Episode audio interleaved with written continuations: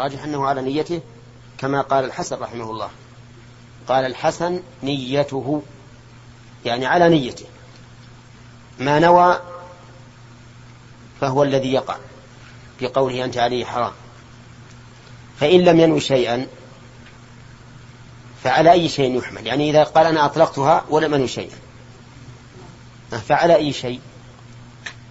الأقرب أن يحمل على أنه يمين. إذا لم ينوي شيئا فهو يمين. نعم. لأن الله يقول يا أيها النبي لما تحرم ما أحل الله لك؟ تبتغي مرضاة أزواجك قد فرض الله لكم تحلة أيمانكم. فجعل الله الحرام يمينا. وعلى هذا فنقول الأصل في تحريم الحلال أنه يمين. وربما يؤيد ذلك قوله تعالى يا أيها الذين آمنوا لا تحرموا طيبات ما أحل الله لكم. ثم قال بعدها لا يؤاخذكم الله باللغو في أيمانكم. وهذا يدل على أن التحريم نوع من اليمين. هذا هو أحسن الأقوال في هذا الباب. أن يرجع إلى نيته فإن لم ينوي شيئا فهو يمين. أما لو نوى, لو نوى الخبر المجرد فهو كذب. إذا نوى الخبر المجرد فهو كذب. كيف نوى الخبر المجرد؟ يعني إذا قال أنت علي حرام يعني يخبر بأنها حرام عليه نقول له كذبت. ليست حرام عليك. بل زوجتك حلال لك. أما والكلام على ما إذا أراد الإنشاء دون الخبر. فإذا أراد الخبر فالأمر بسيط. لكن إذا أراد الإنشاء يعني إنشاء كونها حراما فهذا هو موضع الخلاف بين العلماء والراجح ما سمعتم. كأن البخاري رحمه الله يميل إلى أن قوله أنت عليه حرام طلاق بائن كما هو سياق استدلاله. وقال أهل العلم إذا طلق ثلاثا فقد حرمت عليه. قالوا ذلك استنادا إلى قوله تعالى فإن طلقها فلا تحل له من بعد حتى تنكح زوجا غيره. فسموه حراما بالطلاق والفراق. وعلى هذا فيكون أنت عليه حرام كأنت طارق ثلاثا تحرم عليه. قال وليس هذا كالذي يحرم الطلاق آه كالذي يحرم الطعام. هذا جواب عن قول من قال إن تحريم الزوجة كتحريم الطعام وجه الجواب قال لأنه لا يقال لطعام الحل حرام ويقال للمطلقة حرام. هذا فيه نظر. لأن طعام الحل ما دام وصفه ما دام على وصف الحل لا يقال إنه حرام. لكن إذا اتصف بما يقتضي التحريم قيل إنه حرام. فلو سرق الإنسان خبزة فالخبزة أصلها حلال. ولا يقال إذا ملك الإنسان ملكا صحيحا إنه إنها حرام وإذا سرقها قيل إنها حرام. المرأة المطلقة ثلاثا يقال لها حرام لكن قبل أن تطلق يقال إنها حلال. فالفارق الذي ذكره البخاري رحمه الله ليس بصحيح لأننا نقول للمطلقة حرام متى؟ إذا بانت إذا طلقت ثلاثا لكنها قبل الطلاق ثلاثا حلال. وقال في الطلاق ثلاثا لا تحل له من بعد حتى تنكح زوجا. غيره وهذا صحيح. يدل على أنها بعد الطلاق حرام. فالبخاري رحمه الله يريد بذلك أنه إذا قال أنت علي حرام كقوله أنت طالق ثلاثا لأن المطلقة ثلاثا تكون حراما. طيب وفي هذا القياس نظر. قال وقال ليث عن نافع كان ابن عمر إذا سئل عن من طلق ثلاثا قال لو طلقت مرة أو مرتين فإن النبي صلى الله عليه وسلم أمرني بذلك بهذا. أما قوله لو طلقت مرة فإن النبي صلى الله عليه وسلم أمرني بهذا صحيح. وأما قوله أو مرتين فلا أعلم أن النبي صلى الله عليه وسلم أمر ابن عمر أن يطلقها أن يطلق مرتين. بل قال مره فليطلقها. إلا أن يقول أن يقال أمرني بذلك يعني بمراجعتها بعد الثانية لو طلقت فهذا يمكن و وقال إن طلقتها قال فإن طلقتها ثلاثا حرمت حتى تنكح زوجا غيره هذا صحيح إيش عندك؟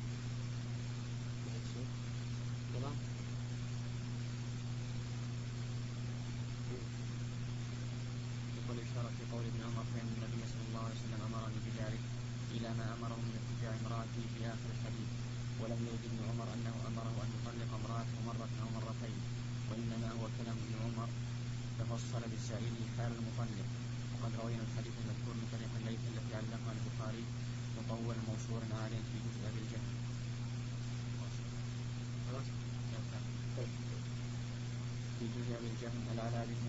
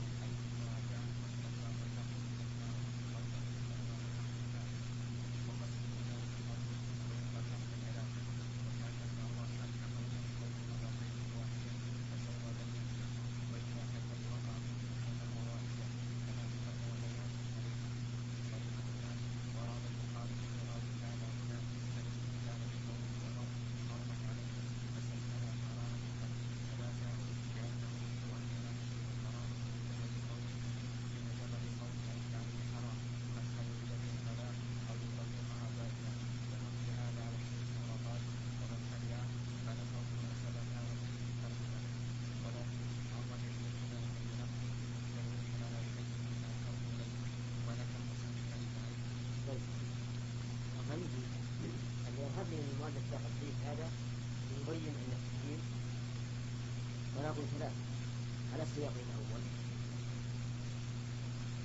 فلا كل حال إذا أمرني بهذا يعني بالمراجعة إذا كان الطلاق دون الثلاث أما إذا طلقت ثلاثا فلا مراجعة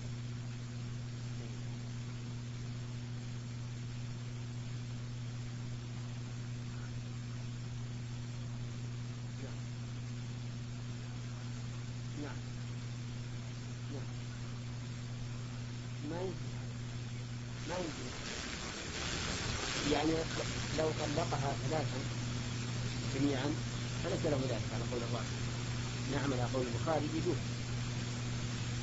صحيح ما لا بدل الطلقة الثالثة واحدة. حصل بها تحريم بالنظام هي على الثنتين أما لو قال أنت طالق ثلاثا وأراد أن يحرمها دفعة واحدة حرم عنه فمراد البخاري رحمه الله التفريق بأن بأن الزوجة يكون حراما إذا طلق ثلاثا ولا يمكن أن يحرم الطعام. لا يقال الطعام الحل حرام. ويقال له لا. لا يقال الطعام الحل حرام ما دام حلا. لكن إذا وصفت وصف كل حرام. ولا يقال للطلق للزوجة أنها كل حرام حتى تصف بما ذلك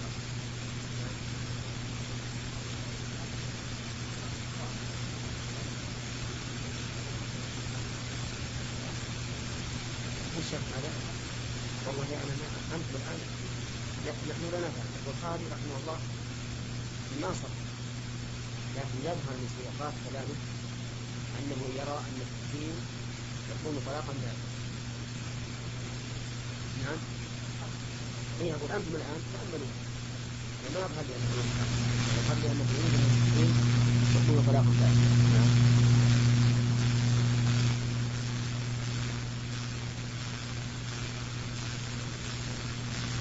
الكنايات على ما نوع ما قلنا أن الخلاف يعتبر النية مطلقا هو ما نوع والصحيح أنه لولا الخلاف ما تكون إلا واحدة لأن الرجل لو صرح بالطلاق الثلاث ما وقع الا واحد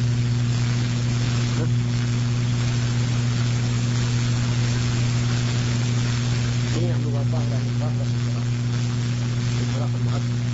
هل هي لأن الرفعيه مثلا ما هي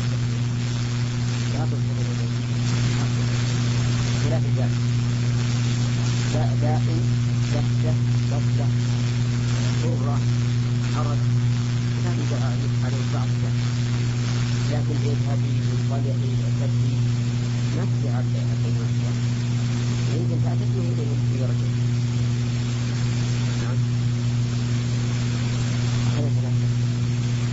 خلاص قال حدثنا معاوية قال حدثنا هشام بن عروة عن أبي عن عائشة قالت طلق رجل امرأته فتزوجت فتزوجت زوجا غيره فطلقها وكانت وكانت معه مثل المدة فلم تصل إلى شيء تريده فلم يلبث أن طلقها فأتت النبي صلى الله عليه وسلم فقالت يا رسول الله إن زوجي طلقني وإني تزوجت زوجا غيره فدخل بي ولم يكن معه إلا مثل المدة فلم يقربني إلا هنت إلا هنة واحدة لم يصل مني إلى شيء أفأحل لزوج الأول فقال رسول الله صلى الله عليه وسلم لا تحلين لزوجك الأول حتى يذوق حتى يذوق الآخر عسيلتك وتذوقي عسيلته. هذا سبق الكلام عليه وقول فأحل لزوجك هذه جملة خبرية لكن حجبت منها أداة الاستفهام التقدير أفأحل لزوجي. يعني مرة واحدة. ولم يكن مني شيء. لم يكن لدي نعم. الكناية الصريحة عند ها؟ الله الكلام يعني عند الناس أنه صريح. يكون صريحا. يكون صريح نعم. لو ما هو؟ أما قسمنا الصريح إلى ثلاثة أقسام. ما سمعت؟ طيب. إذا قلنا صريحة فهي يعني يكون عليها ما قلنا في الطلاق. نعم. نعم. محمد؟ يعني الراجح انه اذا قال الراجح أنه إذا قال أنت طالق ثلاثا أو أنت طالق أنت طالق أنت طالق فهي واحدة. نعم؟ إلا بمراجعة. قال أنت طالق وراجع أنت طالق وراجع ثم قال أنت طالق صارت ثلاثة. نعم. وقد قسمنا الغضب إلى ثلاثة أقسام من قبل يا محمد. وين أنت؟ الآن موجود. كم قسم الغضب إليه؟ إلى ثلاثة أقسام ابتداء وغاية ووسط. الغاية قلنا أن يصل إلى درجة لا يدري ما يقول ولا أن في أي مكان كان. نعم؟ حتى أن الدنيا عنده تكون كأنها صفراء ولا حمراء ولا سوداء ما أدري وين هو فيه. ويقول أنت طالق. هذا لا يقع بالاتفاق. لم يقل أحد من أهل العلم أنه يقع طلاقه. والثاني أن يدري ما يقول لكن يكون في حال انفعال شديد كأن أحدا ضغط عليه حتى تكلم من شدة الغضب. فهذا فيه خلاف والراجح أنه لا يقع. والثالث أن يكون في ابتداء الغضب يعني غضب يسير سبب له الطلاق. هذا يقع الطلاق إذا تم شروطه. نعم. مرجع يعني غضب العرف مرجع غضب بنفس الرجل أو مشاهدة ما هو العرف؟ ما له عرف.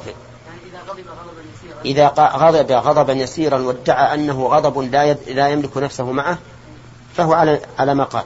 ما لم تكذبه الزوجة. نعم. الكناية شيخ إلى العرف نعم.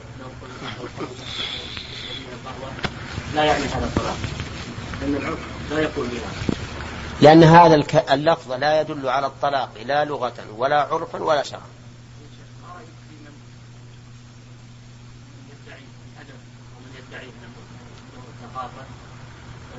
يقول في أحيانا مثلا يقول لفظ ويعني به الآخر. ينظر. مثل الحداثي من الآن هذه المدرسة التي تتبنى يعني الأدب الحداثي كما يقول عليه. قد يكون لا يعني به آخر. هل هذا صحيح؟ هذا لا يطاع. أقول هذا لا يطاع. يعني لا يمكن أن نطبق اللفظ الذي أراد له معنى لا تحتمله لا يحتمله في اللغة ما يطاع في ذلك.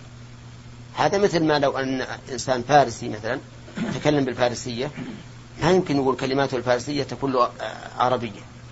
يقول هذا رجل كأنه ليس بعربي يتكلم بغير العربية.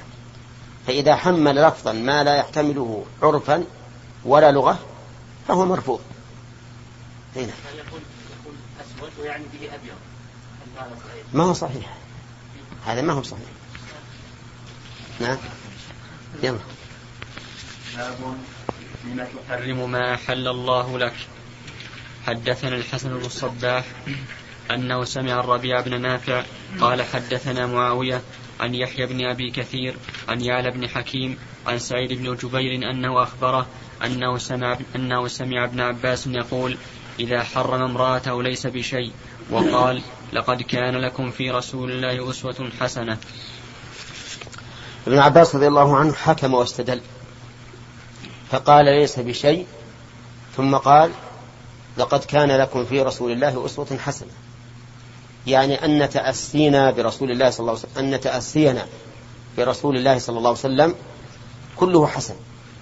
وليس المعنى أن رسول الله صلى الله عليه وسلم يمكن أن يكون لنا فيه أسوة حسنة وأسوة سيئة أبدا. ولكن المعنى أن كل من تأسى برسول الله صلى الله عليه وسلم فإن رسول الله صلى الله عليه وسلم أسوة حسنة. هذا المعنى.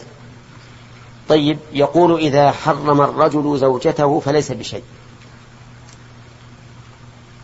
الظاهر أن مراده ليس بشيء من الطلاق. يعني ليس طلاقا لأنه استدل بقوله لقد كان لكم في رسول الله أسوة حسنة. والرسول صلى الله عليه وسلم جعل تحريمه إيش؟ يمينا. هذا هو الظاهر. فيكون معنى قوله ليس بشيء. هذا النفي العام يراد به الخاص. أي ليس بشيء يذكر طلاقا. كقول أم عطية كنا لا نعد الصفرة والكدرة في بعد الطهر شيئا. ليس معنى ما نعد شيئا أبدا لأنها تنقض الوضوء ونجسة. لكن المعنى شيئا من من الحيض. شيء من الحيض. فالعموم هنا يراد به الخصوص. ويحتمل لولا قوله لقد كان لكم في رسول الله صلى الله عليه وسلم أن مراد ابن عباس إذا قال ذلك على سبيل الإخبار. فإن الرجل إذا قال إن إنها عليه حرام يريد الخبر فماذا نقول؟ هذا كاذب ليس لا يتعلق به شيء. أبدا لا يمين ولا طلاق. هذا الاحتمال وإن كان واردا من حيث اللفظ لكنه ليس بوارد حين قال ها. لقد كان لكم في رسول الله أسوة حسنة فالظاهر أن مراد ابن عباس رضي الله عنهما ليس بشيء يذكر طلاقا يعني ليس طلاقا هذا المعنى. نعم. إذا ماذا يكون؟ يمينا. فإذا قال زوجته أنت عليه حرام نقول هذا يمين تحل له ولكن يجب عليه كفارة يمين. إي نعم. إي نعم. ما لم يكن الحسن بن محمد بن الصباح قال حدثنا حجاج عن ابن جريج قال سمع عطاء سمع عطاء أنه سمع عبيد بن عمير يقول زعم. قال زعم عطاء أنه سمع عبيد بن عمير يقول سمعت عائشة رضي الله عنها أن النبي صلى الله عليه وسلم كان يمكث عند زينب عند زينب ابنة جحش ويشرب عندها عسلا. فتواصيت أنا وحفصة أن أن أيتنا دخل عليها النبي صلى الله عليه وسلم فلتقل إني لا أجد منك ريح مغافير. إني أجد. إني لا أجد. أجد. بالله. عندك لام؟ نعم. إني لا أجد منك ريح مغافير. أكلت مغافير. فدخل على فدخل على أحد على إحداهما فقالت له ذلك. فقال لا بأس. شربت عسلا لا. فقال؟ فقال لا بأس. إيه، عندنا لا بل شربت. ويمكن لا بأس لها وجه. هنا. نعم. فقال لا بأس. شربت عسلا عند زينب عند زينب ابنة جحش ولن أعود له. فنزلت يا أيها النبي لم تحرم ما أحل الله لك إلى إن تتوب إلى الله. لعائشة وحفصة وإذا سر النبي إلى بعض أزواجه حديثا لقوله بل شربت عسلا. وحدثنا فروة بن أبي المغراء قال حدثنا علي بن مسهر عن هشام بن عروة عن أبيه عن عائشة رضي الله عنها قالت كان رسول الله صلى الله عليه وسلم يحب العسل والحلوى. وكان. إذا انصرف من العصر دخل على نسائه فيدنو من إحداهن. سبحان الله أحسن ما يكون من المذاق. الحلو. ها؟ الحلوى على سبيل العموم وأحسنها العسل وأحسن ما يكون من الروائح الطيب. والرسول صلى الله عليه وسلم حبب إليه الطيب من من المشان ومن المذاقات العسل والحلوى لأنه طيب والطيب دائما يألف الطيب. وهذا كقوله تعالى الطيبات للطيبين والطيبون للطيبات. والعكس بالعكس بالنسبة للخبيث. تجد الخبيث يهوى الخبائث. مأوى الشياطين؟ ما هو؟ الكنيف والأماكن القذرة. نعم. الروائح الخبيثة تتأذى منها الملائكة. ولا لا؟ تتأذى منها الملائكة. لكن الشياطين ما تتأذى منها. لأنها خبيثة تحب الخبيث. الله أكبر. هذه من حكمة الله عز وجل في الخلق. إذا تدبر الإنسان الخلق وجد أن كل شيء يكون ملائما للشيء الذي يناسبه. نعم. وكان إذا انصرف من العصر دخل على نسائه فيدنو من إحداهن. يدنو ما بها فتحة. فيدنو من إحداهن فدخل على حفصة بنت عمر فاحتبس أكثر ما كان يحتبس. فغرت فسألت عن ذلك فقيل لي أهدت, له أهدت لها امرأة من قومها عكة عسل. فسقت النبي صلى الله عليه وسلم منه شربة فقلت أما والله لنحتالن له. فقلت لسودة بنت زمى إنه سيدنو منك فإذا دنا منك فقولي أكلت مغافير فإنه سيقول لك لا فقولي له ما هذه الريح التي أجد منك فإنه سيقول لك س... فإنه سيقول لك سقتني حفصة شربة عسل فقولي له جرست نحلة جرست نحله العرفط وسأقول ذلك وقولي أنت يا صفية يا صفية ذلك. قالت تقول سودة فوالله ما هو إلا أن قام على الباب فأردت أن أبا... فأردت أن أبادئ أن أبادئه بما أمر... بما أمرت يباديه بالهمزة. نعم. نعم. فأردت أن أبادئه بما أمرتني به فرقا, فرقا منك. فلما دنا منها قالت له سودة يا رسول الله أكلت مغافير؟ قالت لا. قالت فما هذا قال لا. قالت فما هذه الريح التي أجد منك؟ قال سقتني حفصة شربة عسل. فقالت جرست نحله العرفط فلما دار إلي قلت له نحو ذلك فلما دار إلى حفصة قالت له مثل؟ فلما دار إلى صفية قالت له مثل ذلك فلما دار إلى حفصة قالت يا رسول الله ألا أسقي ألا أسقيك منه؟ ألا أسقيك منه؟ قال لا حاجة لي قال لا حاجة لي فيه. قال لا حاجة لي فيه. قالت تقول سودة والله لقد حر لقد حرمناها حرمناه والله لقد حرمناه قلت لها قلت لها اسكتي. هذا سياق كامل لا شك في القصة لكن فيه مخالفة لما سبق. أن اللي سبق أن الذي سقط زينب وهذا الحديث الذي سقطه حفصة. الذي تواطأ في الحديث الأول من؟ حفصة وعائشة. وهذا حفصة وزينب وصفية. عائشة قصدي. عائشة وزينب وصفية. أي نعم. طيب إذا لابد أن نشوف رأي الفتح. في هذا الاختلاف. إن نظرنا إلى سياق الحديث هذا ولا سياق يعني تام منضبط فيترجح أن يكون ما فيه هو الصواب. ولكن الأكثر الأول.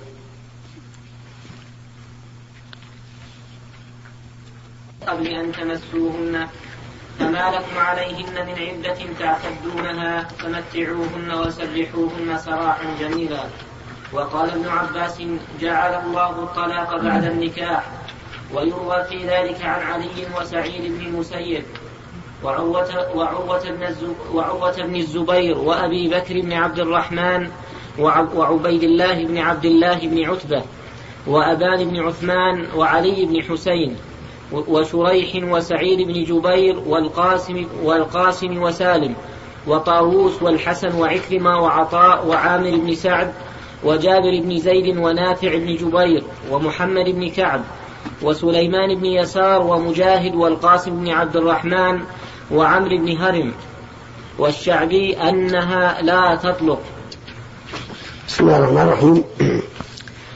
هذا الباب فيه أن الطلاق قبل النكاح لاغي سواء وقع على معينة أو على أو على سبيل العموم. فعلى سبيل العموم أن يقول كل امرأة أتزوجها فهي طالق. فإذا تزوج امرأة فإنها لا تطلق. لأن ذلك قبل النكاح. وعلى سبيل الخصوص بأن يقول إن تزوجت هذه ويعينها فهي طالق. فإنها لا تطلق أيضا. ويدل لذلك قوله تعالى يا أيها الذين آمنوا إذا نكحتم المؤمنات ثم طلقتموهن من قبل أن تمسوهن. قال إذا نكحتم ثم. وثم تدل على الترتيب. فيدل على أنه لا طلاق إلا بعد بعد النكاح. ويدل لذلك أيضا المعنى والنظر فإن الطلاق لا يكون إلا من عقد من عقد يحل ويطلق. ومعلوم أنه قبل العقد ليس هناك شيء يحل ويطلق. فيكون هذا القول دل عليه الأثر والنظر أنه لا طلاق إلا بعد النكاح وعلى هذا فلو أراد شخص أن يتزوج فغضبت امرأته. وقالت ليش تزوج؟ قال أبدا لن, لن أتزوج. وقال لها إذا كنت ترضين فإني أقول لك كل امرأة أتزوجها فهي طالق. فقالت إذا كنت تقول هكذا خلاص أرضى. فإذا تزوج هل تطلق؟ لا تطلق لأنه لا طلاق إلا بعد النكاح. وهل نقول لا عتق إلا بعد ملك؟ في هذا خلاف بين العلماء. منهم من قال نعم نقول ذلك. لا عتق إلا بعد ملك. لأن النبي عليه الصلاة والسلام يقول فيما صح عنه إنه, إنه لا عتق فيما لا يملك. وإذا كان لا عتق إلا فيما يملك فيما لا يملك فلا يصح أن يعلق العتق بالشراء مثلا أو بالملك. فلو قال إن ملكت هذا العبد فهو حر أو قال كل مملوك أملكه فهو حر فإنه لا يتحرر بملكه. وهذا هو القول الذي تقتضيه الأدلة والقياس. فإنه فإن قياسه على النكاح واضح. والنظر الصحيح فيه أن نقول إنه كيف يملك أن يعتق ما لا يملك. وقال الإمام أحمد رحمه الله بل يصح أن يعلق العتق على الملك فيقول إن ملكت هذا فهو حر أو كل مملوك أملكه فهو حر. وفرق بينه وبين النكاح بأن النكاح لا يراد للطلاق بل إذا أريد به الطلاق فسد كنكاح المحلل مثلا.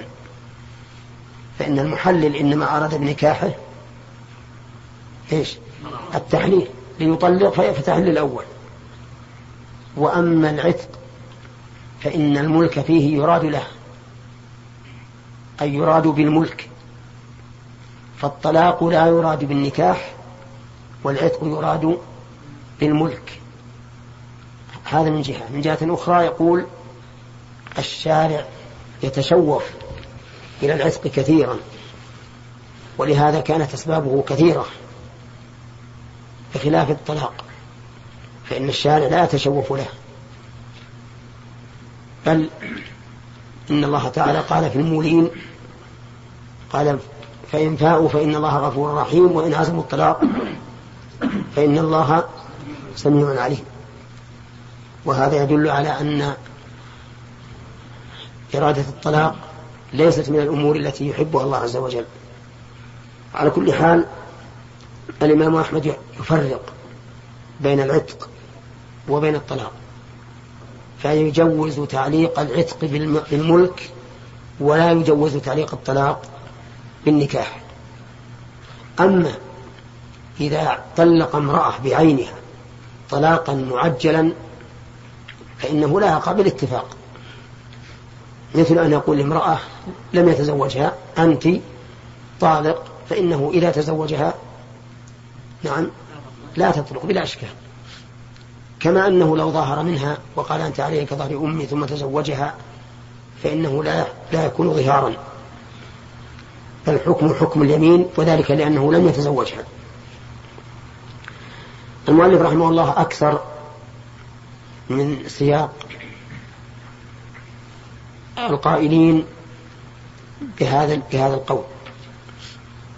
كأنه يريد أن يشير إلى رد قول من يقول بصحة الطلاق قبل النكاح. فإذا علق طلاق امرأة معينة على نكاحها فتزوجها فإنها تطلق لكن الصحيح ما مشى عليه المؤلف. نعم.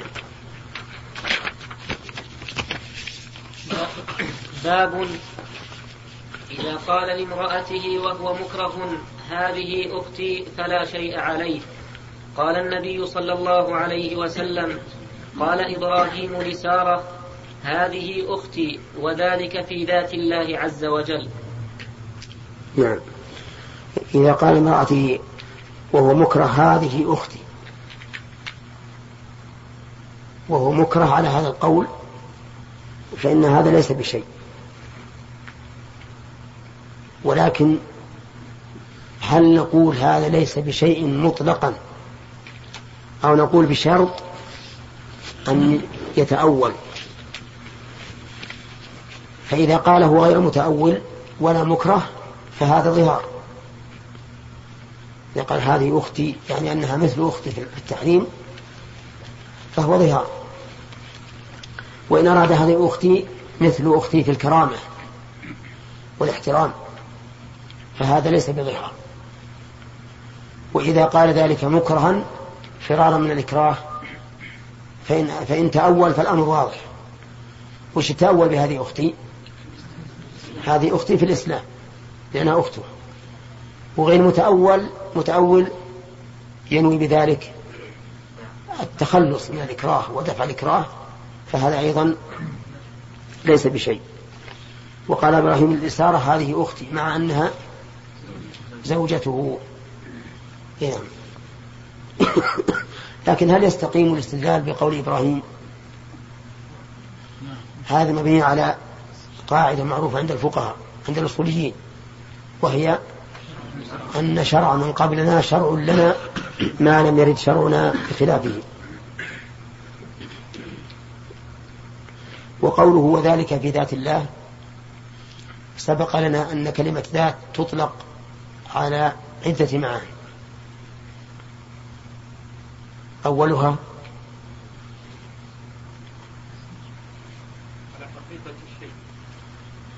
لا نبي اللي لا هذا حقيقة الشيء هذا معروف عند المتأخرين.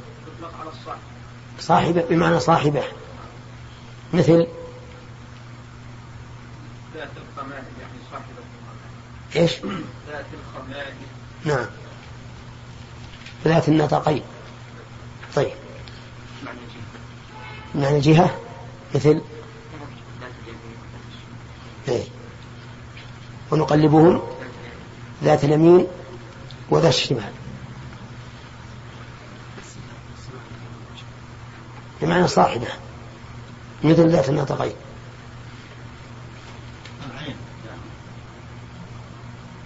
إيش معناه؟ يعني مثلا الذات لا هذه صحيح هذه هذه في اصطلاح المتأخرين لكن يقول شيخ الإسلام ليس هذا من من, العربية الفصحى. ما يخالف خلها على ذات العين. الذات مقابل الصفات ولهذا يقال ذات الله وصفات الله. ثلاثة ثلاثة هذه. طيب الرابع نعم. نعم. إيه نعم. يعني الإغال في التنكير. الإغال في التنكير والإبهام مثل أتيته ذات ليلة أو ذات يوم أو ما أشبهها. مثل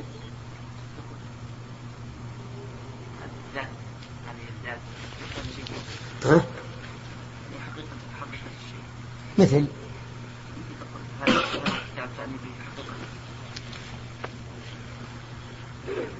يعني بمعنى نفس توكيد ما هي بعربية. ولهذا قول كثير من الكتاب الآن هذا الشيء ذاته خطأ هذا خطأ عظيم في اللغة العربية. الصواب أن نقول هذا الشيء نفسه. الرحمن؟ محرم لذاته. ها؟ صحيح لذاته لا لا.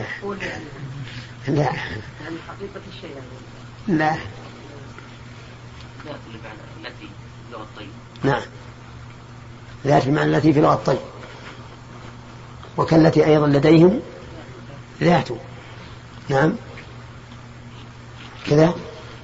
طيب هذه خمسة. باقي اتقوا الله وأصلحوا ذات بينكم. ها؟ بعضهم يقول معنى شأن وحال. حال البين فهذه خمسة أو ستة معاني. لكلمة ذات. نعم أما قول فإن وذلك في ذات الله فالمراد به في جهة الله أو في دين الله. يعني أنه في الله عز وجل وليس في غيره. نعم.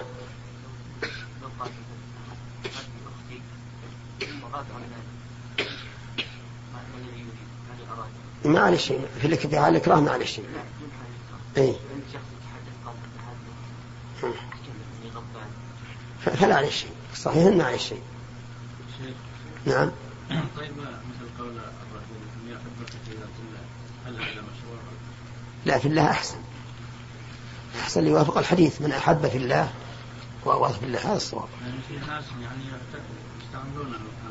لا بل يعلمون. ورجلان يتحابا في الله. ما قال في ذات الله. نعم. خلاص أخذنا ثلاثة أسئلة أظن. اثنين؟ نعم. يا شيخ يعني يعني كثير من الناس مثلا يعني يقول لزوجته انت أختي في الإسلام. ما في بأس. دون أن يتأول أي شيء ولا يقصد شيء بس. ما دام قال في الإسلام قيدوا ما يحتاج إلى تأول. طيب إذا لم يقيد لكن ما ينوي شيء ما يتأول شيء. أختي في الكرامة يعني والغلاء والمحبة. قد يقصد أنه في الإسلام أو أو في الكرامة. خلاص ما صار ظهار. نعم. باب الطلاق في الإغلاق والمكره والسكران والمجنون وأمرهما والغلط والنسيان في الطلاق والشرك وغيره. لقول النبي صلى الله عليه وسلم الأعمال بالنية ولكل امرئ ما نوى وتلا الشعبي لا تؤاخذنا إن نسينا أو أخطأنا. وما لا يجوز من إقرار الموسوس.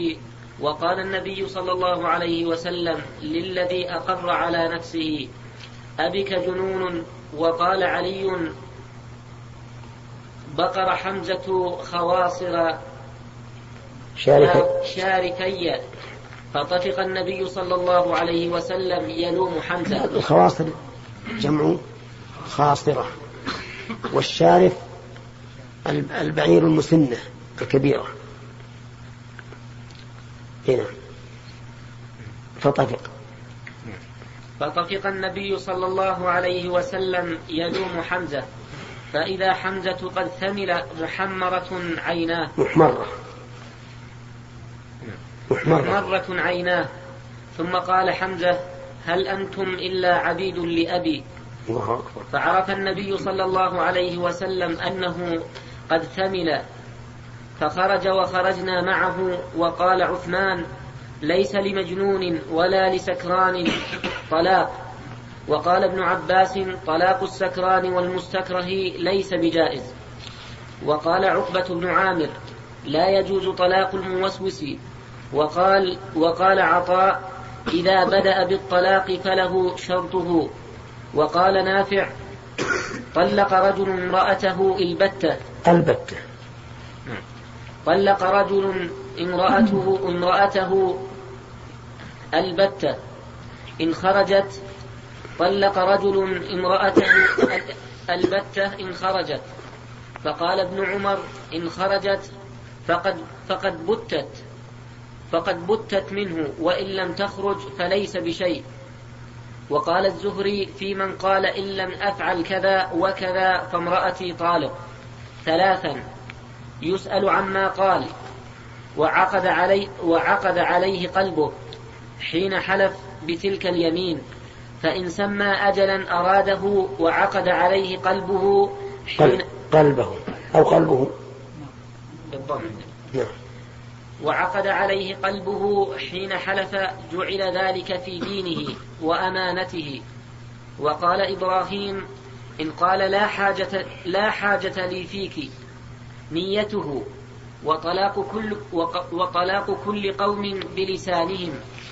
وقال قتادة إذا قال إذا حملت فأنت طالق ثلاثا يغشاها عند كل طهر مرة فإن استبان حملها فقد بانت منه. وقال الحسن إذا قال الحقي بأهلك. نيته. وقال ابن عباس الطلاق عن عن وطر والعتاق ما أريد به وجه الله. وقال الزهري إن قال ما أنت بامرأتي نيته وإن نوى طلاقا فهو ما نوى. وقال علي ألم تعلم أن القلم رفع عن ثلاث عن المجنون ثلاثة. عن ثلاثة عن المجنون حتى يفيق وعن الصبي عن المجنون حتى يفيق وعن الصبي حتى يدرك وعن النائم حتى يستيقظ.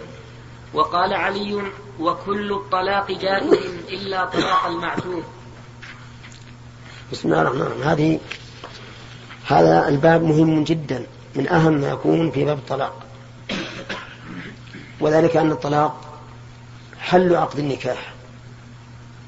وعقد النكاح عقد حازم مغلق مؤكد موثق.